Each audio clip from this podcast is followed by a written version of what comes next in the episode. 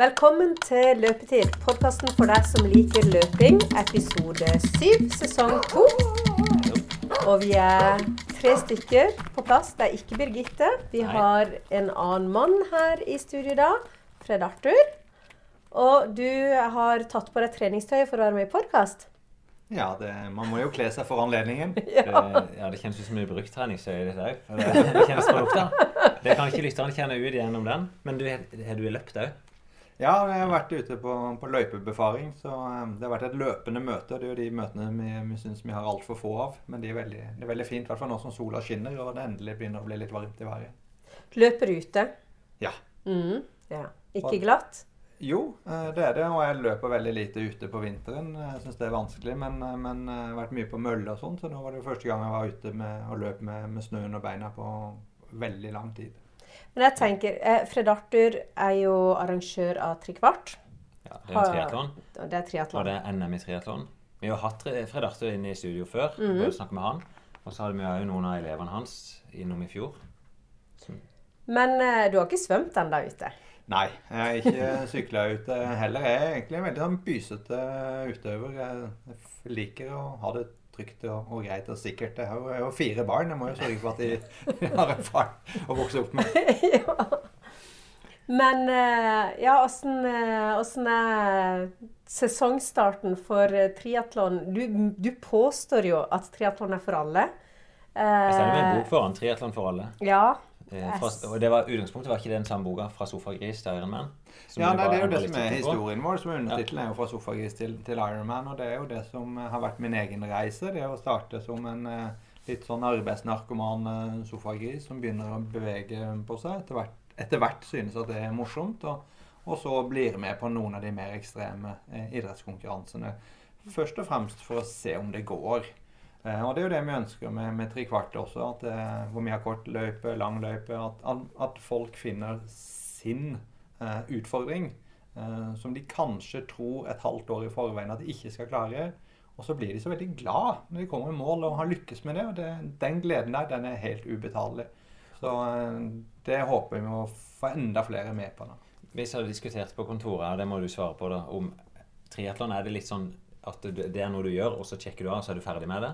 Jeg tror mange har det som en, at de har den, en form for bucketlist. Ja. Men det gjelder veldig mye. Jeg tror folk de skal gå den ene Marcialonga, de skal gå Birken, de skal gå Ja. og sykle til Hovden.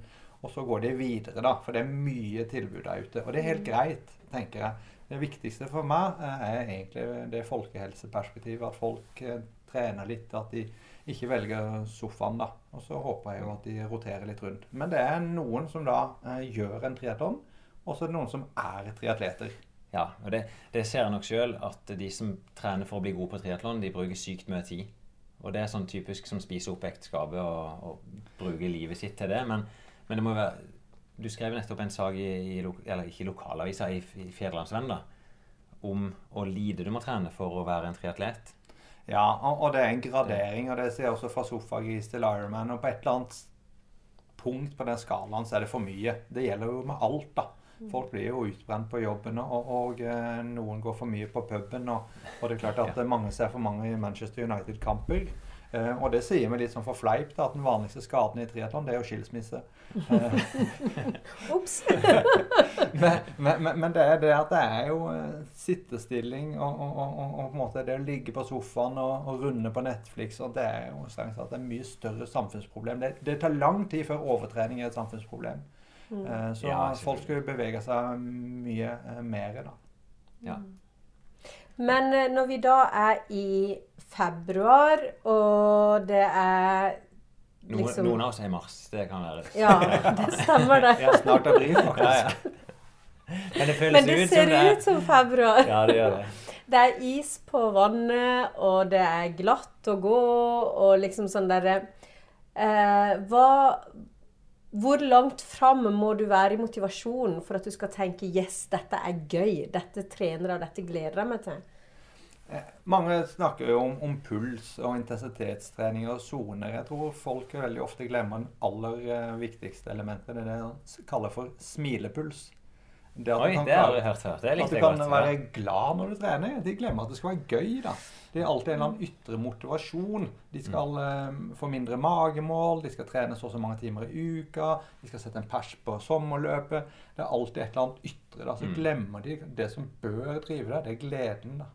Uh, og- En og det- smilepuls, det må vi ha med oss. ja, ja, det det er fint. Uh, Så det, det å finne sin aktivitet, eller finne sine mange aktiviteter, det syns jeg er spennende med triatlon. Det er jo det å, variere litt. Eh, Sykle litt, svømme litt, løpe litt, trene litt styrke. Nå på vinteren gå litt på ski. Det å være variert i bevegelse. Og så er det jo det spørsmålet da i forhold til eh, når skal man begynne? Og det er klart at eh, det har vært en tung vinter for mange som ikke er glad i å gå på ski, å merke. Du trener kanskje inne, det er mørkt, det har vært sludd, og det er sibirkulde, og, og det er mye fristende på OL-TV. Um, så eh, er det vanskelig å komme i gang med egen trening, og så utsetter man det. da. Så utsetter man det, og så utsetter man det. Og så tenker man det, det, det, det er bare tre måneder til den konkurransen, og jeg kommer ikke i form, jeg rekker det aldri. Og da er jo spørsmålet som du var inne på i sted, hvor lite trenger man å trene? Mm. Eh, og jeg vil si at det er forskrekkelig eh, lite. Og da har jeg det som filosofi at litt er mye bedre enn ingenting. Mm. Eh, og det at man ofte går så hardt ut. Man løper fem minutter på kilometeren, og så sprekker man, og så gjør det vondt, og så har man bare negative opplevelser knytta til det å løpe. Det, det setter i kroppen, da. Og det setter seg i hodet. Mm. Det der tilbake til det med, med smilepuls. Hvis du kan løpe sakte nok, det er en kunst. Eh, nok til at kanskje du syns det er litt flaut hvis naboen ser det, men også til at du tenker at dette har jeg lyst til å gjøre en gang til. Ja, det har du snakka om Ja, mange dette er høyaktuelt. Eh, Jeg var ute og gikk på ski i går, og da hadde kameraten min han hadde møtt deg på butikken. Mm. Og bare sagt at eh, i morgen må du snakke med Anna Margarita, for hun sa løping er noe dritt. Ja. Og det var det du sa til meg på telefonen i stad, Ja. at eh, nå må du hjelpe meg opp, for nå Mm. er jeg helt i kjelleren. Mm. Og, men prøv å forklare hvorfor. Og Liksom bare greia at plutselig så har du gått litt sånn i veggen på det. Eh, nå har jeg på en måte eh, Nå er det tre uker siden jeg har bestemt meg for at eh, for det om det gjør litt vondt i akillesen, og for det om jeg fortsatt er litt sånn der helsa har skranta mye etter influensa, Ja. så skal jeg begynne. Og jeg har Jeg, jeg løper tre ganger i uka. Eh, ikke smilepuls. Nei, jeg skulle akkurat det si, for det høres For det den smilepulsen fins ikke, men jeg smiler fordi Finn har sagt at hvis du bare smiler, så går det mye bedre. Så jeg har sånn påklistra smil i 40 minutter.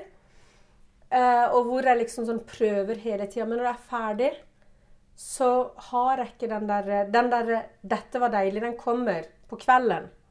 Men det tar veldig lang tid. Det er tungt. Kroppen min er tung. Inspirasjonen Jeg, liksom Jeg føler at det, jeg skulle jo løpe ti km tre ganger i uka. Ja, men ikke sant, for Det høres ut som du har noen forventning om at du skulle vært Ja, lenger framme. ja, Du, absolutt. og du ser ikke hensyn til det som du nettopp sa, at du har vært syk, du har vært skada veldig lenge. Mm. Og så istedenfor å ta på deg smilepulsen, da, så kler du det på deg og liksom tvinger deg å forvente at nå skal jeg være framme her. Mm. Og så blir, Det høres ut som du da syns trening blir tøft og tungt. Ja, det blir det. for jeg merker jo at eh, kroppen ikke Husker du i begynnelsen da jeg begynte å løpe og sa at det føltes som det er Jurassic Park Ja, som ja. kom? Det er sånn igjen nå. Det er sånn dum, dum, dum. Mølla rister, liksom. Hver gang jeg tar en steg. Jeg møter ofte jeg utøvere og folk som er i trening, som ender der som du er nå. Og så vet jeg kort vei det er fra det til å plutselig at ting løsner. Det er nok én soldag og eh, bare asfalt, eller ute i skauen, så er det liksom ah, Endelig var det godt å løpe igjen. Men jeg tror trikset for deg nå Anna, det er å senke skuldrene litt. Og ikke forvente at du skal være akkurat den formen du var på det beste i fjor. Nei, for det er jo Jeg, jeg, jeg har jo sagt at jeg skal løpe halvmaraton Ja, det er i det, men, september. men det må ikke stresse deg. Ok? Jeg snakket med deg i går, Fredarte, og da snakka du om som arrangør. ikke sant? Du prøver å få folk til å melde seg på løpet ditt. Og så ser du nå i februar-mars at aktiviteten når du måler trafikken, den er liksom på bånn nå i februar-mars. Ja, vi ser det på påmelding, vi ser det på besøk på nettsider, folk vi snakker med, at det- det er et annet modus, da. Det er helt greit. Ja. Det er jo sesongbetont. Og, jeg mener på at vi mennesker er jo eh, fortsatt eh, Det er en del eh, av steinalderen i oss, da. Ja. Vi påvirkes av, av lys. Mm. jeg kaller det ikke for depresjon eller sånt. Det er bare det. Det er litt tyngre å komme seg opp om morgenen. Litt mindre energi i, i, i kroppen. Og det som du er inne på, eh, eh, Finn, det med å komme seg ut, kjenne lyset i ansiktet, se på en måte bjørka eh, spire, det å se på en måte en grevling eller en soloppgang De tingene der er så viktige da, når, når, det ikke, når det viktigste tross alt ikke er å vinne. Men å ha et godt liv, det er å ikke finne meningen med livet, men finne meningen i livet. Og det kan være en løpetur sammen med noen. Og da kan det godt være sammen med en som løper enda saktere enn deg. Som tenker at det er ikke, vi ja, men det er ikke viktig å er finne Det er ikke viktigst er ikke å finne mm, noen som kan dra deg fram til en VM-tittel, men en som gjør at du kan ha det fint. Jeg merker jeg føler på en liten sånn derre Og det, det, for meg så er jo løping noe nytt, da. Eh, og så ser jeg folk ute og løpe, ikke sant. Og så får en litt sånn der misunnelse. For de virker som de er så liksom i det. Det ser så lett ut. De ser på en måte ut som dette er noe de mestrer. Og så blir jeg litt sånn misunnelig. Så tenker jeg dette her, det er jo ikke så vanskelig. Og så tar jeg på meg tøyet, og så går jeg ut og løper, og så er det den derre ekstremt tunge liksom steget, da. Og så tenker jeg Rak rygg. Dette er som liksom sånn eh, løpe inn i Oslo Maraton, og dette er det ikke sant, Har hard på metronom. du er inne på mølla, du hører på den idiotiske metronomen på øret. Altså, du har hørt ordet sånn tut, tut, tut, tut. Hun springer 40 minutter med den på øret. Imot alle råd, det vil jeg si. Da tenker jeg, hvis, Det høres ut som jeg og Fred Arthur er ganske enige her. at Jeg tror du skal legge vekk mølla litt, komme deg ut, droppe klokka, droppe metronomen. Og så bare nyte det å, å løpe i seg sjøl. Gi deg et par uker, så kommer du til å stråle igjen. Ja, det Det er jeg jeg helt sikker på, men, men du må legge vekk metronomen, du må legge vekk presset. Og samtidig, nå da, som jeg er når, Det skal ikke mer til for å få meg til å bli positiv i hodet. I fjor vinter, da da jeg begynte å løpe, så sa du løp fem minutter. Og det var egentlig tungt. Og nå løper jeg 40 minutter. Ja da. Det er faktisk noe som jeg anbefaler folk som skal begynne å trene. det er at Ta en liten test hvor du er. For da kan du i de tunge periodene gå tilbake og se hvor var jeg før. For det, sant, når vi møttes i dag, så høres det ut som du var tilbake på null. Ja, og Men jeg er er, ikke nå det. vet du jo at du er jo ikke det. Nei. Er tilbake på to. Men for å avslutte med tre kvart og Fred Arthur, åssen er dere i rute? For du, du skal inn i et stort arrangement i år. Ja, eh, vi er jo alltid på jakt etter å utvikle oss. Og den eh, løypebefaringen jeg har vært på, på nå, da, den har jo vært eh, i forbindelse med NM Elite, som blir jo en, en viktig del av eh, TV-satsinga vår. Ja, TV-satsing, hva er det for noe? For du har ikke vært på TV før. Nei, det har vi ikke vært. Vi, eh, vi har eh, I samarbeid med TV 2 så skal vi ha tolv timer eh, sending fordelt på fredagen og, og lørdagen. eh, Og søndagen. Um, Så eh, det blir jo da en elitekonkurranse som vi kjører i Kristiansand sentrum på lørdags ettermiddagen. Stemmer, Det er NM som var det. Ja, Ja. Men vi skal også akvatlon og swimrun og trikvart for mosjonister skal også være TV-sendt. Så det blir en, eh, det blir en lang eh, TV-helg fra, fra Kristiansand. Jeg ser Anna, du smiler. Er det noe du kan Ja, tenke deg med på? Nei, nei, nei. nei, nei. Jeg kan ikke svømme. Eller jeg kan, jeg kan bade, Ja. men jeg kan ikke svømme. Så eh, det, og jeg sykler på tre gir og liksom sånn. Så jeg er ikke noe, jeg er ikke noe triatlonutøver. Men eh, Ennå. Det, nå ser jeg Fred Arte smilte. Han, han ser en potensiell sofagris. Nei, nei, nei. nei, nei. Uh, men det som, grunnen til at jeg smiler, var for jeg fikk plutselig de bildene i hodet av sommer, mye aktivitet, folk som samler seg rundt et arrangement. Uh, den gleden som er, ikke sant. Det der litt sånn euforiske, spente følelsen før et løp, da. Eh, at det kommer. Ja. Ja, du, det du kan kjenne at du gleder deg til det. Ja, men det, er, det er godt å høre. Og jeg kjenner, jeg kjenner på det sjøl når du begynner å beskrive det. Så har vi et annet Ja. eh, morsomt prosjekt på, på gang. så Det er at vi nå går i et samarbeid med Universitetet i Agder, da, hvor vi nå skal ut og forske på eh, nær sagt eh, sofagriser. Før Ja. så har vi jo bare fått de opp av sofaen og fått de til å gjennomføre trekvart, men nå er vi jo på jakt etter sofagriseren i alderen 55 pluss, da, som skal gjennom et eh, prosjekt oppe på universitetet. Ja, og se åssen helseeffekt det er. Ja, Ja. de vet veldig lite om forskning på, på eldre mennesker. Eh, veldig lite, faktisk. Eh, og, og vi skal da følge de i tre måneder mens de svømmer, sykler og løper. da. Så det er jo eh, blir et spennende prosjekt å se hva de får ut av det. Ja. Ja. I hvert fall alt jeg leser om forskning, så viser det seg vel uansett alder, så er trening bra. Absolutt, men man, man, det er mye sånn eh, kjerringråd og antakelser antagelser og sånt. Det er veldig lite testing på det. Og, og jeg mener at seniorer, så gjerne jeg kaller de, det er et veldig en spennende gruppe som er mye mer ressurser enn kanskje man veldig lett antar. da. Så kan jeg tenke meg at kanskje seniorer i dag, eller sånn at den, de er mye bedre form, eller de, de varer lenger, holdt jeg på å si. Ja. Ja, det, er det, som, det, er man, eh, det er også universitetet nysgjerrig på. fordi at Mm. det, det ene eh, perspektivet er jo at eh, før så var jo eh, arbeidsfolk mer kroppsarbeidere. da. Mm. Nå er også senioren er jo eh, vært kontormedarbeidere kontormedarbeider i 30 år. Ja. Mm. Så, men samtidig vi vet jo at vi lever lenger, vi spiser sunnere, sånn jevnt over. Mm. Eh, men likevel, hva, hva skjer med kroppen i forhold til restitusjon, i forhold til Mm. eh, kosthold osv. når man er 55 pluss? da? Mm. Man er jo ikke 18 lenger, det vet man jo. Nei. Så det blir veldig spennende å følge dem. de. Ja. Nå skal det være et informasjonsmøte nå før eh, mars, eh, før påske, eh, oppe på universitetet. Og eh, så skal vi gjøre en utvelgelse og så starte prosjektet opp eh, i begynnelsen av april. Spennende. Veldig spennende. Så nå først så skal du bort på NRK og snakke om dette. Ja, for det lanserer vi jo nå i denne uka her. Så Ja. da gleder vi oss til å sette i gang med det. Flott. Du, liker det. Både på Er det radio eller TV? Nei, nå på NRK så er det på, på radio. Så På radioen, ja. Og ikke minst med arrangementer. Det skal vi nok følge litt når det nærmer seg. Vi får vel dukke opp der, Anna. Ja, og så kanskje vi kan få snakke med noen av disse eldre som skal Jeg har nok- jeg har lyst sjøl å være med på noen av de arrangementene. Har jeg vært involvert som arrangør, så vi får se om det er mulig å frigjøre litt tid. Mm. Kan du svømme? Ja, jeg kan svømme. Ja, men, ja. ja, men sånn Ja, på kan det. jeg var jo ordentlig, i ikke Forsvaret nå, og da var jeg med og jeg er faktisk norgesmester i militær femkamp som lag. Og da er det svømming en av disiplinene. Ja, Så jeg, kan være, jeg svømmer godt nok, da. bra. Så jeg, skal, jeg frykter Da, ikke noe da har det utfordrende. ja, ja, men jeg har vært borti folk som har lært seg å svømme på tre måneder før, så du, er, du er i faresonen. Det er bra, Peder. Vi høres. Så- OK. Ja, Birgitte. Ja. Nå går vi fra triatlon til prosjektet vårt. Ja. Prosjekt Birgitte. God møte, at du er på vei ut her, og jeg hørte bare bli ledd når ordet triatlon ble nevnt. Prøvde å lure deg til å tro at du var blitt påmeldt et uh, triatlon, men det Ja. tok du ikke. Nei, Jeg ble ikke veldig stressa for det. Jeg, jeg tror halvmaraton er mer enn nok foreløpig.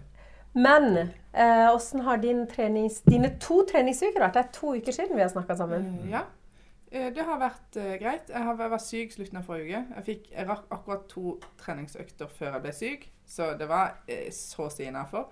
Um, det må jeg si, hun er veldig flink til å få trent. Du er Ja. veldig sånn Du er struktur. Du sier mandag, bam, da, Ja. skal jeg få gjort det. Du kommer treningsøy på jobb, og så hvilken økt skal jeg gjøre? Og så gjør du. mm. Men det, det må jeg helt nødt til. Ja. I min hverdag, så hvis ikke jeg prioriterer og planlegger og sånn som det, så får jeg ikke gjort det. Nei. Så det Jeg, jeg er veldig imponert over det, altså. Det er det vi får sagt.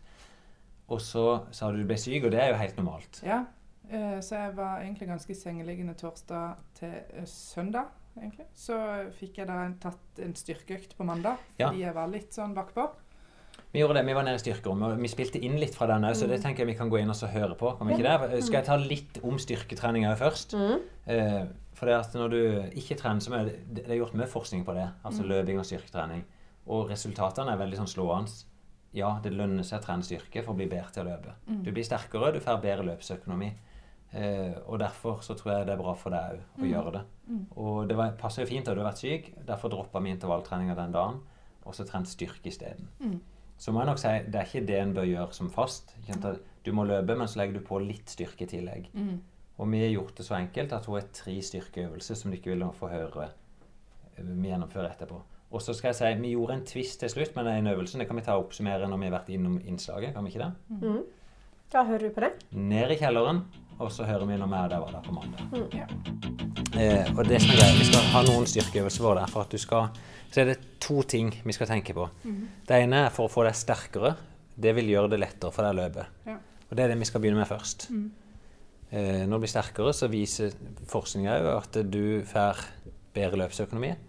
Og ikke sant, du vil kjenne sant, lettere å komme opp bakken, lettere å holde et løpesteg over tid. Og dette er sånn du kan gjøre ei eller to ganger i uka bare med å gå ned. Ti minutts økt. Ja. Trenger ikke noe mer enn det. Nei. Bare liksom fokusere på de helt enkle basisøvelsene, og så ferdig. Ja. Og så er det litt det der skadeforebyggende Det er skadeforebyggende dette òg, men òg det enkle du kan gjøre. Litt mer sånn husmortrim. Litt mer mage, rygg, hofte og knekontroll, som vi skal ta etterpå. Ja. Sånn at en kan veksle mellom de to. Men jeg er litt opptatt av at det må være så lite, så enkelt, at du faktisk kommer til å gjøre det. ja. At du husker det. Ja, og det er tre øvelser vi skal fokusere på. Um, det er, den første er knebøy. Ja. Og jeg tror de fleste har et forhold til knebøy. Eh, vi har ei stang som er montert jeg vet ikke hvor høyt, 1,5 meter høyt. Eh, jeg vet ikke hvor sterk du er, men jeg har tatt på 40 kilo nå. Altså det er selve vektstanga. Og 10 kilo på hver. Det er 40 kilo til sammen. Ja. Eh, hadde du gjort knebøy før? Ja. Du, ja, for du har trent Men litt. det er jo en stund siden. Ja. Hvis du, du kan holde den. Ja. eh, bare kom litt nærmere med den. Og nå skal vi klare å forklare dette uten at de ser oss. De fleste har jo sett knebøy, da, men jeg skal jo ha stanga på, nei, på skuldrene. Og da må jeg tydeligvis finne balansen på midten, sånn som dette. Og så prøver jeg da i utgangspunktet jeg skal stå stabil, ganske sånn strak rett opp og ned. Jeg skal prøve å unngå at jeg får noe knekk i ryggen, for det kan være litt skummelt der. Eh, føttene er ca. sånn skulderbredde, du ser det? Ja. Sånn litt brei beinstilling. Og så holder jeg jo bare godt om stanga.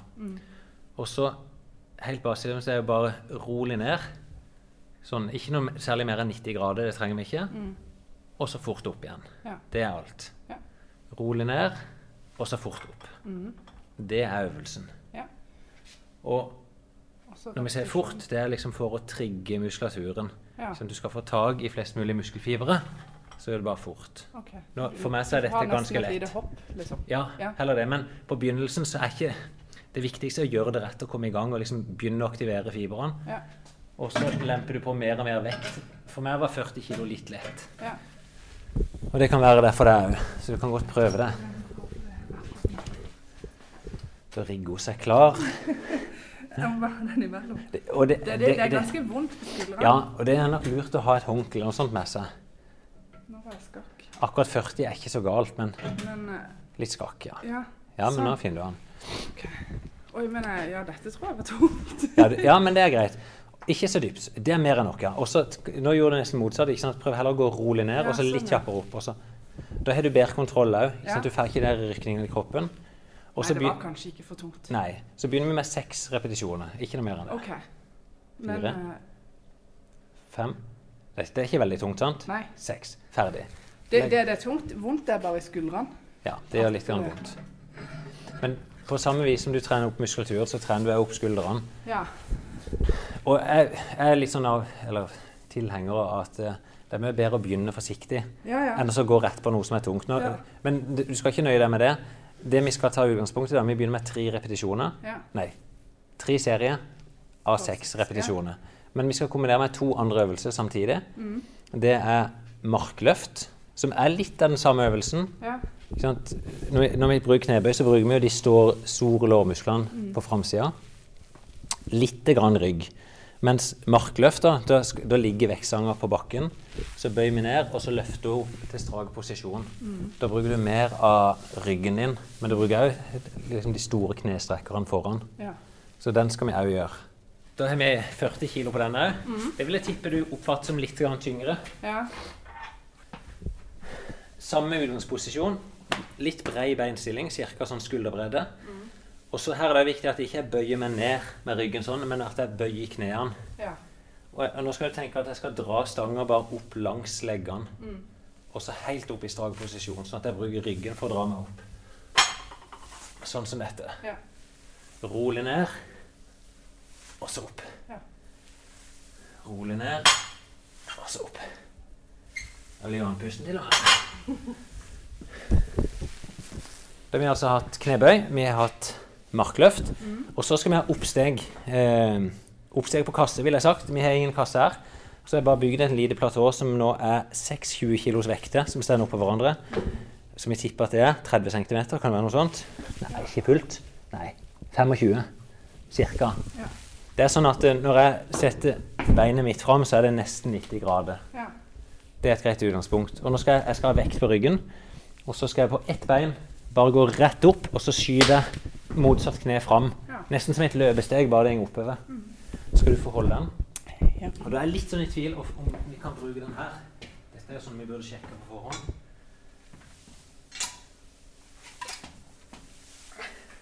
Ja da. Men her vil nok kjenne at det samme at det er litt tungt å ha det på ryggen. Ja. Nå har jeg 30 kilo på ryggen. Ja. Så det er ti 10, litt 10 på hver side, og så ei stang på ti kilo. Mm. Og så står jeg foran vekta, og så setter jeg ett bein oppå. Og så skal jeg bare litt sånn eksplosivt opp der. Ja. Og det jeg prøver å tenke på, at eh, den hofta, altså den foten jeg setter på vekta, den skal Jeg skal ha kontroll på det kneet. Jeg skal prøve å unngå at det vingler noen vei. Så da kan du se på meg om det vingler. Bam! Ja. Og så ned. Bam! Som dette. Og så bytter jeg bein. For meg så er det vanskeligere på høyre. Ja. Og jeg vet at det er svakere i høyre hofte. Og du tenker kanskje dette er jo ingen hofteøvelse, men det er faktisk veldig Det er stabiliserende hofteøvelse. Nå sikrer hun i hvert fall den ene vekta. Jeg kan bare ta den ned. Ja. Og en, to, og Hoi! Ah. OK, så står du foran, og så skal du bare ta ett bein. Bare legge det opp på, på blokka. ja. Og så skal du bare Og løfte dette var litt skummelt. ja. det vingler litt. Ja. Ja, OK. Kan jeg prøve en gang rolig Ja. først? Sånn, ja. Det som er at Når du trekker det motsatte bein opp, Ja. så trekker du hofta der inn. Og da aktiverer du noen muskler som jeg er interessert i at du skal aktivere. ja. Jeg vet ikke om du kjente nå at nå ble du, henger, du ble sittende som på dass. Jeg merka det. At du ble sittende sånn med knekk i hofta hele veien. OK. Ja. Sånn. Du skal, prøve, du, du skal helt fram med hofta. Sånn, ja. Det er bra. Det er nok. Og så tar det god tid på toppen, at du liksom løfter deg nesten opp på tå til slutt. Sånn. Og så bytter du bein. Men det var nesten lettere. Ja. Med kanskje samme svakhet. Det var mitt høyre ben òg som var svakest. Det er jo samme øvelsen.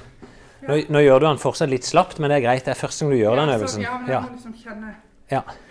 Nydelig. Og det er nok. Da, da har vi vært gjennom den. Skal vi ta og hjelpe deg ned med den? Åssen kjennes de øvelsene? De kjennes greie ut. Ja. Veldig enkelt. Utgangspunktet er det var lett med knebøy. Så kanskje litt tyngre med markløften. Ja. Og så er kanskje den vanskeligste er når du skal oppsteg på den kassa. ja. Det vi gjør nå, da, nå, skal, nå det er én litt serie. koordinering men. Ja. Men, men nå, du vil kjenne at første serien er lett, andre serien tipper er litt yngre, Mm. og så tredje serien enda litt Så yngre. Men det, jeg ønsker ikke da at du skal være helt ferdig. Nei. Og så enkle måten vi kan bygge dette opp på, det er at de neste ukene så tar du øker du med én repetisjon. Ja. Så gjør du syv, så gjør du åtte. Eh, vi kan gå opp til ti, og så øker du vekta. Ja. Du liksom bygger på litt, grann, bare gradvis flere repetisjoner. Det er relativt trygt. For da bygger du det skallet som skal til for å tåle neste vektøkning. ja. Og da går du ned på antall repetisjoner igjen til seks. Ja, okay. Men hvor mye legger du på da? Jeg, Jeg ville lagt på kanskje ti kilo, at det er et greit utgangspunkt. Ja. Men det, det er jo sånn, du vil jo bli tryggere og tryggere på det. Ja. Eh, og så etter noen uker kan det godt være at du velger å øke mer. Men det er bare å bli kjent. Så Birgitte, hvordan var denne styrketreninga til Finn, da? Du, det var veldig greit. Eh, Føl- og knebøy har jeg gjort såpass mye at det har jeg grei kontroll på. Det var tydelig òg. Teknikken din er bra på det. Ja, eh, Den her eh, Markløft. markløft kjente jeg veldig veldig i ryggen etterpå. Så jeg kom hjem, og så gikk det to timer, og så måtte jeg bare legge meg på sofaen. For da hadde Ja. skikkelig vondt. Vondt i ryggen, altså. Som, Vondt, Sånn ikke bra, ikke sliten, men vondt. oi, Det høres ut som å, du har trukket med ryggen og ikke med rumpa. Sannsynligvis. Mm. Så jeg tror nok, eh, og, og kjenner det egentlig litt enda, Mm. eh, ikke lemstommen at det er liksom Det, det traff et eller annet der. Så jeg, enten så bør jeg nok kanskje løfte litt lettere. Eh, Og det er jo få opp kjernemuskulaturen litt mer, tror jeg, før Mm. jeg begynner med så mye vekt. Ja, vi hadde 40 kilo nå, det er kanskje litt i overkant. Ja, 40 på knebøy tror jeg virka lett. det går fint. Og så så vi at det var litt tyngre på, Mm. på markløften. Mm. Men det er noe med at når ikke Jeg, jeg, jeg kjenner sjøl når jeg er det lenge siden jeg har trent yoga også. Jeg kjenner liksom at kjernemuskulaturen ikke er så bra Ja. som man burde være for ryggen. Mm. Og noen begynner jo bare med stanga på Ja. begynnelsen. Ja, for det er jo en teknisk ganske krevende øvelse. Ja, det er det. Vi prøvde jo å øve litt på det. Og jeg, jeg syns du tok teknikken veldig bra. For meg så så det ikke ut som du brukte ryggen så mye, men det er jo noen av de Ja som, som du ikke traff feil på. Mm. Og så var det der jeg sa vi skal gjøre en justering, det var den oppsteg på kasse, der du hadde stanga på skuldra. Mm. Det som viser det er vanskelig for å få opp stanga sjøl, Mm. og så gjør det vondt på, på nakken. Ja. Så det vi prøvde til slutt, det var bare å ha frie vekt i håndene, Mm. altså sånne manualer. Mm. Der du heller bare tar to ti kilos manual i hendene, og så har du oppsteg på kasse. Mm. Ja, det funker veldig greit. Ja. Så, så de tre øvelsene, det bør du gjøre én til to ganger i uka. Mm. Det er jo en av mine favorittøvelser, den oppsteg på kassa. Ja. Og den føler jeg tar veldig rumpe. Nettopp. og Og det, Ja. det er en bra øvelse. For, det, for det, ja, det tar i rumpa, men det tar òg den stabiliseringa i hofta som du Ja. trenger. Ja, og så må du jo stramme magen og sånn for å ikke velte når du skal opp Ja. der. Så det er en veldig sånn Så komplett øvelse. Eh, Det er liksom den der hardcore styrketreninga. Og så skal vi òg ta en, en økt der vi viser litt sånn basis Nesten mer sånn husmorøvelse, da. Mm. Helt basis kjernemuskulatur som er lurt å gjøre. Mm. Og det, det handler om helse, altså hvordan du fungerer i hverdagen og unngår vondte på sikt. Ja. Og det er jo ikke sånn at de som trener, er de som sliter mest med vondte. Det er jo de som ligger mest på sofaen. Mm. Men jeg har jo snakka litt med Birgitte, eh, og hun, er jo, hun har jo trent yoga og pilates. Og pilates går jo også veldig mye på kjerne. Mm. Yoga går en del på elastisitet og på tøying. Ja, jeg er nok mer på styrkeyoga. Typ. Mm. Sånn Men du slutta med det nå? Var Ja, ikke, det ikke bare var tre stykker på jobben som holdt på med dette sammen? Ja, det har bare for dette, de gjorde om på timeplanen, og så passa ikke det inn i min Hadde ikke dere hverdag, noe og heat-yoga eller noe sånt? Jo, hot-yoga. hot Og det skal du få lov å være med på. Fortell om hot yoga. Det høres veldig Det, ut. greia, det fins jo forskjellig, veldig mye forskjellig yoga. Min, Men det, hot yoga, det er varme. det var, du, du utfører yoga i varme, og du blir mye mykere. Du, du, altså, du kan Altså, jeg kan bare sitte og smile. Ja. Ja, nå skulle, Det er eneste gang jeg har tenkt at vi helst skulle hatt uh, filmkamera, for dere kunne se Finn. Men du, du blir jo varmere i kroppen, så du kan, du kan tøye litt mer enn Ja. det du kan til vanlig. Og så svetter du, og det er deilig, og det er, det er en fantastisk treningsform, syns jeg. No, ja. Noen bruker bare badstue, så skal jeg, si, skal jeg skrive To timer Men- trening i badstua. Men du, nå fikk jeg en sånn der djevelsk tanke når du sier ta den med. Jeg Ja. Ta den i hånda på det, da. Ja, du er er med. Du Altså, skal altså, bli er med på alt hot du sier, yoga. Så nå må du bli med på hotyoga. Yes! Er du yoga. Hot yoga. Fy for skam. Det blir gøy. Det blir, ja, det blir sikkert gøy. Det gjør det. Men, Det blir men, svett i hvert fall, eh, for jeg svetter jo bare så vidt jogger sjøl. Ja, men tenk så effektivt det blir, da. For svetting. Ja, det, Tynn som ei sild vet du, etter første gang. du blir ikke god til å løpe av det, men det Nei, men, men alt det handler jo ikke bare om å bli god til løp. Men det handler litt Nei. om eh, å bygge opp den muskulaturen. Vi kan gjøre det. Vi kan, vi kan ta en tur innom og så Ja. spille inn. Og så er det noe med at jeg merker den styrketreninga er veldig sånn eh, det, blir, det er veldig enkelt. Det er greit å ha de basic øvelsene, men det blir litt sånn maskulint og vekter og eh, Ja. Derfor så den der, eh, Da vil jeg heller bruke en time. Ja. Og heller få den roen og eh, bruke Jeg liker å bruke kroppen i styrketrening, og heller Mm. pushe det mer enn nødvendigvis vekter. Tror jeg er mer min greie. Ja, men, men jeg tror du skal bruke vektene for Absolutt. å bli Altså for å få løpinga til å bli gøy. Ja, så vil ja, ja. du, du vil oppleve framgang. Jeg ser absolutt poenget med det, men jeg kjenner sjøl at jeg har behov for den her eh, litt sånn eh, mer styrke i hele kroppen. Men når vi snakker om disse forskjellige, hva vi føler og sånn, så har jeg lurt på noe den siste uka. Ja. Og det er for vi har fnyst litt av tøying, ikke sant? Og det, Ja. Det er liksom ikke nødvendig å tøye etterpå. Man vet ikke helt hva tøying er godt for. Ja, ja. Men eh, i forhold til denne smerten jeg har hatt i akillesen, så er det akkurat som jeg føler et behov for å tøye, for den er helt stiv. ja. Men er det det, det som jeg bare heller hatt maren, altså, men Ja. av og til så kan det jo komme at du er stiv andre plasser. Altså at du er stiv i er muskulaturen. veldig stiv bak. Ja. Det vet jeg jo fra før, og det, vet, det merker jeg jo på styrketrening. Men når vi sier at du skal ikke tøye, så er det, det er ikke noe poeng å tøye hvis ikke du har en misjon for å tøye. Nei. Så ikke du har ikke sett en hest gå rundt og tøye, og de klarer seg utmerka godt. Men jeg har Eh, sett de en springer katt. fort. ja. Men det er ikke Men- helt men- riktig det heller, for hester tøyer de også. ja, du er hestejente, du. Så den går ikke an å bruke. Hunder og hester og katter, alle De tøyer. Tøyer jo. De strekker, de strekker, men på det er tøying. Ja. Ja. Men eh, hvis du begynner å få en plage, f.eks. i en akilles, så kan årsaken sitte i muskulaturen lenger opp. Altså Ja, for det er det jeg begynner å lure på om det gjør. Ja, men jeg tror Og nå er jeg litt på tynn is sjøl i forhold Mm. til den der stive akillesen du kjenner. Det er nok ikke noe du kan tøye. Liksom selve akillessena. Nei. Det er mer bare sånn symptom, det som skjer når den begynner å bli kallet betent eller irritert. Så kjennes den stiv og, Mm. Ja. og hard ut. Men Mm. Altså, jeg har Ja. faktisk tøyd litt når jeg har brukt når kroppen er varm, så har jeg tøyd baksida. Men det er mer fordi jeg er stiv lenger oppe. Så når jeg trener styrke, så merker jeg at ryggen går litt ned. Ja. Så Men fortsatt så er det, hvis, sier, hvis du skal bli god til å løpe, så er det det det handler om. Å, springe mer og ikke tøye mer, altså. Ja. Eh, og jeg tøyer ingenting. Nei. Og det er ikke sånn at jeg går rundt og har vondt rundt forbi. Mm. Nei. Vi skulle bare vært som film. Nei, Ja, eh, greit. men, Men- bruk det med omhu. Ja. Men eh, litt tilbake til Birgitte. For du, er du var på en sånn venninnetur på hytta di. Ikke hytte langt inn på fjellet. Mhm. Og det er jo sagt at helgeturene til henne, det skal egentlig være koseturer. Heller Mhm. litt sånn at du er ute lenge, men ikke tenk eh, trening. Nei.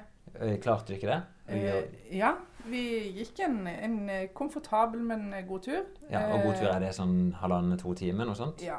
Ja, Og så med litt pause, da. Ja. Ja, Så vi gikk til et mål og satte oss ned og hadde det veldig hyggelig der, og så gikk vi tilbake igjen. Så det var Ja, men det er trening. Ja, men det er jo det. eh, Og så går du på ski, og det er oppoverbakker, og du bruker muskulatur som du kanskje ikke bruker til vanlig. Så sa du så vidt her i stad, rett før vi begynte, at noen av venninnene dine de ble òg motivert. Ja. av- De hadde lyst til å være med inn og løpe halvmaraton. Eh, det Ja. ble jo bestemt en sen fredagskveld, men jeg holder de til det. så, så jeg tenker at både i hvert fall Rakel og Katrine skal være med. Uh, Irene var litt på vent, så vi får se. Så du ser alkoholen er godt for noe, i hvert fall. Ja, det Det- er det mener, ikke sant? Kom noe godt ut av det. Ja, men så hyggelig. Det er bra. Da får du være disses rådgiver. Ja, det og det det faktisk, det er motivasjonen i seg sjøl å være hjelper og rådgiver for andre. Ja, og det er litt det det går i. Det der å motivere hverandre litt og dra Mm. hverandre med ut eh, og ta en løpetur. Og... Så jeg er sånn som det ser ut nå, på alle som henvender seg og sier 'Å, vi må snart ut og løpe', så tenker jeg det er ganske mange som skal være med på det halvmaratonet til høsten, altså. Så vi begynner, vi begynner i det små, og så trekker vi med oss en gjeng. Jeg må si, jeg, I dag så begynner sola å komme litt tilbake. begynner å bli varmt. Jeg gleder meg veldig til du skal få oppleve det å komme ut i sol og være Mm. med på noen treninger på grus. Mm. Det er noe helt annet enn å stå på den der triste mølla nede i Ja, ja, ja. kjelleren. Er du? Så Men det er likevel, det, jeg syns det er veldig komfortabelt å komme i gang på mølla. Ja. det, det, det er trygt og godt og liksom Men vi er gode odds for at du skal kunne like dette enda bedre. Ja, ja, ja, Så det bra. absolutt. Så bra, Birgitte. Du skal få lov å gå tilbake på jobb Yes. Med caps. Ja, det var den store capsdagen. Offisiell capsdag i dag, så alle har caps. Gratulerer. Ha det bra. Så fin. da er det bare meg og deg igjen her. Eh, meg og deg, ikke bare- det er ikke bare det, nei.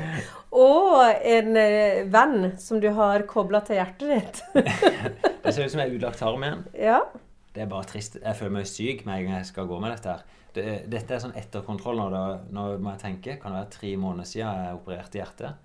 Så ble jeg Ja. kalt opp for å få påmontert sånne elektroder. Eh, Jeg vet ikke, EKG, tipper jeg det. EKG, ja. sånt. Som jeg skal gå med i to døgn. Føler det helt bortkasta. Jeg føler det ingen poeng. Eh, Hvorfor føler du det? Nei, I utgangspunktet er det fordi jeg, jeg, det er jo veldig sjelden jeg får hjerteflimmer. Mm. Eh, og når jeg får påmontert den og bare skal gå med den i to døgn, så skal det noe til at de finner noe. Men sist gang så provoserte du jo fram Ja, hjerteflimmer. Jeg skal, jeg skal se om jeg klarer å gjøre det i kveld, faktisk. Og se om jeg er ferdig. Og faktisk, vi hadde bakkeintervall på Vi sprang. Det er jo veldig dårlige forhold her nå. Så fellesøkta på mandag la vi på et parkeringshus. Og det er jo et tips til folk å springe i mange av disse parkeringshusene. For Mm. de fleste er jo sånn etasje opp, og så ei trapp ned i midten eller på Ja, sida. det har jeg faktisk gjort. Det er ganske tungt. Ja, så vi gjorde det på det som heter Kilden her, og det er Mm. det, det er fem etasjer opp. Og da klarte vi å springe nesten fem minutter. Nei, sorry, to minutter. Eh, og vi kunne gjøre det jo sånn at de beste på treninga springer helt ytterst, så vi får lengst vei opp. Og de som er svakest, springer innerst. Mm. Og da var vi på likt på toppen. Så det er en fin måte å holde sammen på. Men da eh, Jeg vet ikke offer på den økta, men kanskje fordi det er så brått opp i puls. Det er ikke det er motbakke, pause, motbakke, pause. Så etter åtte-ti drag så begynte jeg å få litt grann flimmer. Mm. Og jeg vet jo at det kan komme. Akkurat da tenkte jeg nå skulle jeg hatt den hjertemåleren. Men ta den økta, da. Så prøver du. For det, det må jo være noe Det, det er jo en grunn for at legen din eh, vil måle dette her. Ja, jeg tror egentlig de gjør det på alle som har hatt Mm. en sånn operasjon. Så, men nå skal jeg møte Jeg skal levere dette utstyret i morgen. Noe drit å gå med. Altså Det ser ut som en god gammeldags Kan ta bilde av det som en Walkman og så elektrode festa på kroppen. Ja, jeg tenkte på Og- sånn der beeper som de hadde før. Sånn der personsøker. Ja, det ser sånn ut. Det er det? Fem kabler. Eh, ja, og de sa Er det sånn blinkende smiley òg? Det betyr at han eh, ser opp. Mm. Eh, de sa at eh, du må i hvert fall opp i puls én gang. Og så sa jeg ja, det er ikke noe problem. Eh, og så sa jeg kan dusje. Og så sier bare liksom bare Nei, det sier seg sjøl at ikke du kan dusje. Men da, sier jeg, da tror jeg ikke du kjenner meg. Hvis jeg skal opp i puls, så er jeg jo gjennomsvett uansett. Ja, Så jeg dusjer. Jeg, dusjer, jeg skyldte meg i stad, med den. Ja, jeg bare holdt den litt sånn på sida. Det viktigste er jo at elektrodene ikke detter av, og at ikke den her blir Og at ikke du får eh, elektrosjokk. Men, men jeg, igjen, jeg, jeg kjenner på det at når du får påført sånn utstyr, så føler du deg syk. Jeg kan skjønne at folk, med, om det er udagt tarm eller sånn, at du blir liksom eh, Du blir liksom nesten som en pasient. Mm. Og du blir jo påminnet hele tida at det er noe som det ikke er føles ikke bra å gå Nei. rundt med det. Mm. Selv om jeg er en sprek mann. Det, Ja. så. Men det la meg rundt med dette, og så skal jeg få trent ei økt. Jeg gikk på skitur i går. Mm. Eh, det, det funker jo. Jeg klarer å springe rundt med dette. Og så, det kan jeg jo si, Vi var ute på morgenen i dag og planlegger et nytt løp. Så jeg skal fortelle mer om det senere, for det, det blir lansert. Men det blir Norges første innendørsløp. ja. Skal ikke si hvor, men det blir her på Sørlandet. Mm. og Det blir et veldig stilig konsept. Og vi kan legge ut noen videosnutt av det òg etter hvert. Så Det var- høres jo egentlig perfekt ut for meg, som er så værsky. Ja, det er det. Det er, det er ingen værforbehold, for det er jo innendørs hele veien. Det høres helt fantastisk med med ganske f- voldsom ambisjon da, i forhold til mange mennesker vi skal ha med oss på dette. Mm. Så for å følge med, jeg tipper vi kan lansere det enten i neste episode eller episoden etter det. Kjempegøy. Men du Finn, vi har jo Ja. fått eh, en del eh, henvendelser denne gangen. Eh, det er jo veldig hyggelig og at folk engasjerer seg og skriver til oss og lurer på om vi kan snakke om ting eller har spørsmål Ja, ja. eh, om de sin trening. Eh, så har vi fått ei da som har vært sprek nok til å være ute og løpe på snø og is. ja det er, vi kan, hun heter Eliane og er her fra Kristiansand og vil hilse inn òg. Mm. Hun henvender seg til oss, men Ja. til deg liksom, og som må hilse til meg. Men det er jo hyggelig. Så da får du overbringe den hilsenen. Ja, Takk. skal hilse. Du, eh, hun eh, det, er egentlig hun, det hun vil fram til, er å si at hun syns at eh, piggsko de fortjener mer kred for mosjonisten enn det jeg gir dem. Ja, for vi hadde jo for eh, noen eh, episoder siden, så presenterte vi jo piggsko da vi hadde inne i løpelabbet. Ja, Og da var jo du litt sånn ja, ja, men det er ikke nødvendig og sånn. Så er det jo kanskje, hun sier jo noe som er et poeng da, at hvis man er litt usikker på dette føret som er nå, så kan piggsko være et poeng. ja, og hun sier at hun har kommet seg ut pga. det. Så da sier jeg vær så god. Det, hvis det funker for deg, så, eller for henne, så gjør det jo det. Eh, og så kan jeg igjen si sjøl så har jeg aldri hatt piggsko. Det funker ganske greit å springe rolig på snø selv uten piggsko. Eh, jeg syns det blir noe ball med de der greiene du skal trekke på.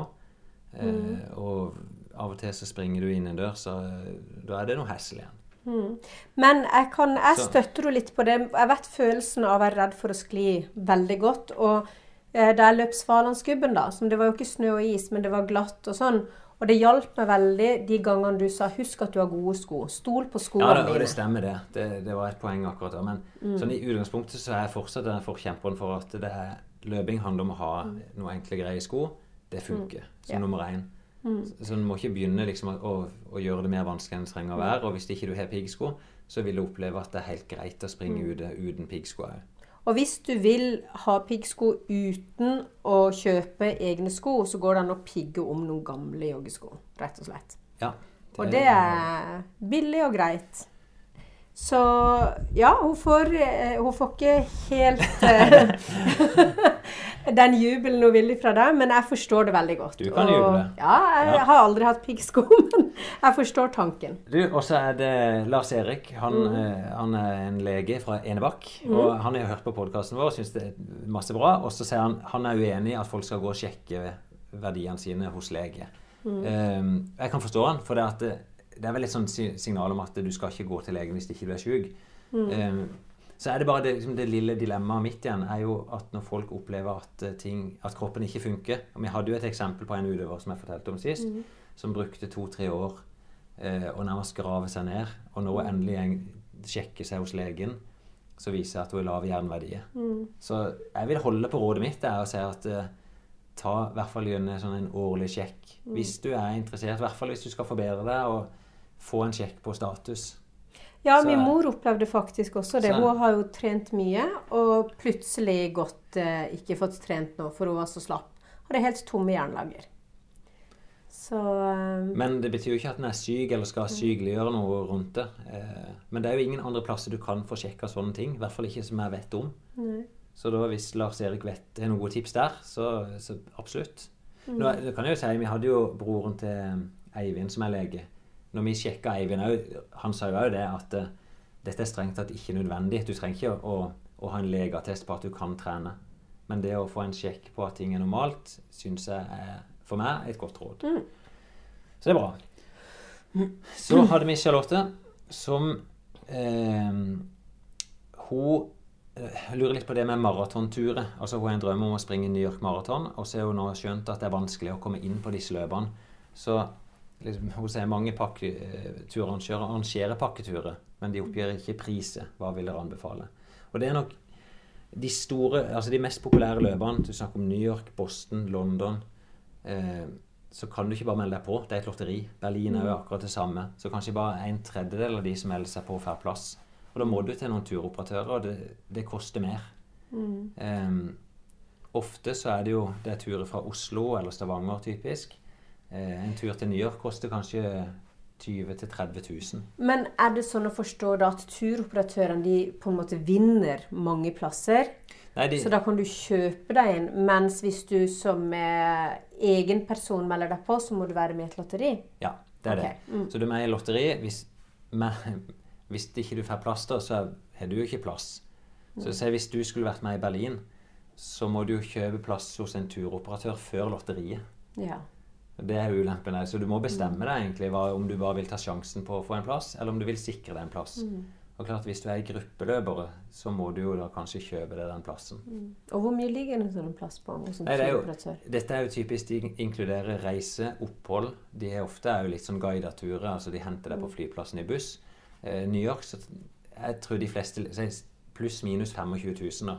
Avhengig om du ligger på enkeltrom, dobbeltrom eller trippelrom.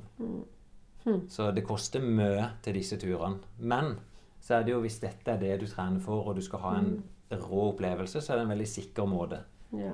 Så skal ikke jeg anbefale noen Jeg vet ikke om noen er bedre enn noen andre. Eh, vi har alltid reist uten turoperatør, men når jeg skal til London, så bruker jeg jo faktisk turoperatør fra Rogaland. ja. Eh, Er det første gang du det er bruker? første, Ja, det er første gang i London, og det er i hvert fall den eneste måten jeg har funnet ut at jeg kan komme inn der. Ok. Men Men det for det er, vel, det er vel litt sånn at hvis du løper på en viss hastighet, så har du garantert plass? Ja, på noen løp er det. I New York er det det, og i Berlin er det det. Mm. Men ikke i London. Nei. Nei, men da må Så- Det var jo ikke sånn lett å gi jo ett konkret svar, da. Nei, da, da tenker jeg Du må bestemme deg for hvilket løp du har lyst til å være med på. Hvis, eh, I rekkefølge Jeg syns New York Marathon det er det beste som jeg har vært med på sjøl. Berlin er veldig sånn stort, strukturert, flott, gode forhold. Og så nå prøver jeg London, som òg mange skryter av som et av verdens beste. Siste spørsmål, kanskje. Ja. Så eh, er, Dette er en som heter Kai. og uh, Han er en veldig lang melding, så jeg kan ikke gå gjennom alt sammen. Men han takker jo og sånt, og, og liker podkast veldig godt. Det er jo hyggelig. Han er en vanlig hobbymosjonist. 37 år, springer 10 km på ca. 45 minutter. Det er raskt. Ja, det er bra. Mm, Det er sånn det er godt mm. OK mosjonsnivå, vil jeg kalle det. Eh, Så han meldte seg på i Bergen City halvmaraton. Og han har ikke skrevet når det er, men jeg lurer på om det er i mai. Mai-juni, Mm. noe sånt. Og har trent sånn 30-40 km i uka ca. Som er Det er jo helt OK. Og så Nå er det åtte uker igjen, skriver han. Um, men han har vært litt ute. Så han har ikke fått trent det han skal. Og så er det liksom OK, åssen skal jeg nå trene? Eh, og da har han prøvd å følge et program fra Runners World. De lagt ut noen eh, programmer. Jeg, jeg syns det er lurt å så finne en plan. Men så skriver han da, når han følger det programmet, at eh, han har foreløpig gjennomført kun to av øktene i uke én, for han syns det er litt komplisert. Og særlig når det kommer til intervalltrening. Og så hva skal jeg gjøre nå? Det er jo et veldig åpent spørsmål, og og selvfølgelig vanskelig å svare på. Nummer én, da, hvis du går inn og ser på disse programmene til Runners World eh, Programmene er gode, det er det. Det kan jeg se. Det, han er valgt nivå to, det er fem treningsøkter i uka. Og så skjønner jeg at han mener at det er litt komplisert, for det er veldig mange sånn pyramidevarianter der du skal ha én av den, to av den, tre av den i en gitt fart. Og det er oppgitt fart etter nivået du er på. Så hvis du er på det nivået, så, så er det denne farta. Det er jo ikke noen sånn tilhenger av sånn sjøl. å styre det så veldig etter fart. Jeg er jo mer etter å styre etter følelsen og, og like å gjøre det enkelt. Mm. og det, det jeg ville sagt, er liksom OK, du skal springe halv maraton. Da må du ha ei god intervalløkt i uka, og det er typisk 10 km med løping i hvert fall. Og da kan du springe 10 ganger 4 minutter, f.eks., som er ca. en kilometer fra her. Så er du ei god økt. 10-4 minutter med ett minutts pause. Da er du på vei til god halvmaratontrening. Det var jo den jeg gjorde. Ja. Den er jo veldig fin. Og så bør du ha en sånn kontinuerlig tur der du ikke har noen pause, men at du kan springe da opp imot en time i bra fart. Der du starter rolig, og så springer du opp imot en halvmaratonfarta. Gjør du to av de, altså ei intervalløkt, ei sånn kontinuerlig økt, og så fyller på med to-tre rolige turer, så er du en god, god mulighet for å nå der du vil. På det nivået han er nå. Og så er det jo sånn selvfølgelig, jo høyere nivå du skal opp på, jo mer komplisert kan du gjøre det. Jeg kan si nå, I går så hadde vi planlagt treningsleir for mine utøvere som skal til Portugal. Det er sånn 14 dager med trening. Og da, er liksom, da sitter vi fra økt til økt og planlegger. Eh, og det er faktisk Når vi planlegger intervalløktene der, så er det mest hvordan kan vi få en ny variasjon, sånn at det ikke blir så kjedelig for dem. Og da legger vi av og til inn noen sånn pyramidevarianter. Som, men da er det fordi utøveren sjøl etterspør det. Så mm, kan vi gjøre noe annet enn bare disse 1000 meterne? Så egentlig så dreier veldig mye av, tren av den, liksom denne mengdetreninga seg om litt sånn det mentalt spill, da. At ikke du skal bli så sliten i hodet. Ja, litt om det. For jeg sier liksom, Særlig på de lange distansene så handler det nummer én få løpt flest mulig kilometer. To flest mulig av de kilometerne opp imot konkurransefarta som du forbereder deg på. Og så kan jeg si tre noen ordentlig spesifikke økter når det nærmer seg konkurransen. Og si f.eks. for, halv en halvmaraton, da. Det å kunne springe 10 km eller 15 km i den farta, det er veldig gode spesifikke økter. Så tenker jeg jo at eh, det viktigste må jo kanskje ikke være å henge seg så ekstremt opp i økta, men det å få løpt. Ja, Det er jo det du sier, Nettopp. at du blir god på det du gjør mye av. Ja. Så hvis han en da ikke har lyst å følge noe sånn slavisk, så er det jo egentlig bare å begynne et sted og løpe og se hvor langt han kommer. Og det, du vil komme veldig langt med det. Men så er det liksom motstykket. Det er litt sånn som eh, Birgitte kjenner på at hun er nødt til å ha en plan for å få det gjort. Yeah. Så, så det er liksom to ting du må ta hensyn til. Hvordan fungerer mitt hode? Mm. Yeah. For min del så trenger jeg ikke den planen sjøl. Jeg, jeg bare vet at ja, i kveld så skal jeg ha intervalløkt, men jeg har ikke bestemt meg hvilken økt det er ennå. Ja. Men jeg vet prinsi prinsippet kommer til å være at jeg skal springe mellom 10 og 15 km ganske fort. Og i verste tilfelle så kan det være at jeg begynner å varme opp på mølla, og så finner jeg ut på oppvarming at OK, jeg velger den økta. Men lykke til, i hvert fall. Og du, du kommer i mål hvis du bare løper. Ja, det gjør. Gjør han. Ja. Ja, ja, så bra. Så det er jo eh, Jeg det er tenker vi skal pakke sammen for Ja. i dag. Eh, Jeg vet i hvert fall neste uke så skal jeg ha med meg Birgitte for å få sjekka sko. Vi har Ja. en avtale med Misuno der de skal opp og teste litt og fortelle om skoene som de kan tilby henne. Spennende. Det blir bra. Mm. Jeg vet sjøl at jeg må få trent. Jeg har jo et maraton om halvannen måned. i- Ja, i åssen ligger du? Jeg ligger veldig dårlig an. Det, Ja. Jeg har ikke fått gjort den jobben som jeg skal. Eh, det, vi får ta litt av de grunnene som er oppe når det nærmer seg. Men det, er så, det jeg erkjenner nå, er at eh, det kommer til å gå greit på maraton, men ikke så fort som jeg har håpet. Jeg kommer ikke til å klare 2,30, det vet jeg Mm. akkurat nå. Eh, veldig mye avhengig av hva jeg får gjort av de neste seks ukene. Mm. Men i løpet av året så er målet under 2,30 uansett. Men det blir spennende. Men da skal vi snakke litt om din form neste gang, syns jeg. Det kan vi gjøre. Mm. Ja. Og da er det bare å holde motet oppe.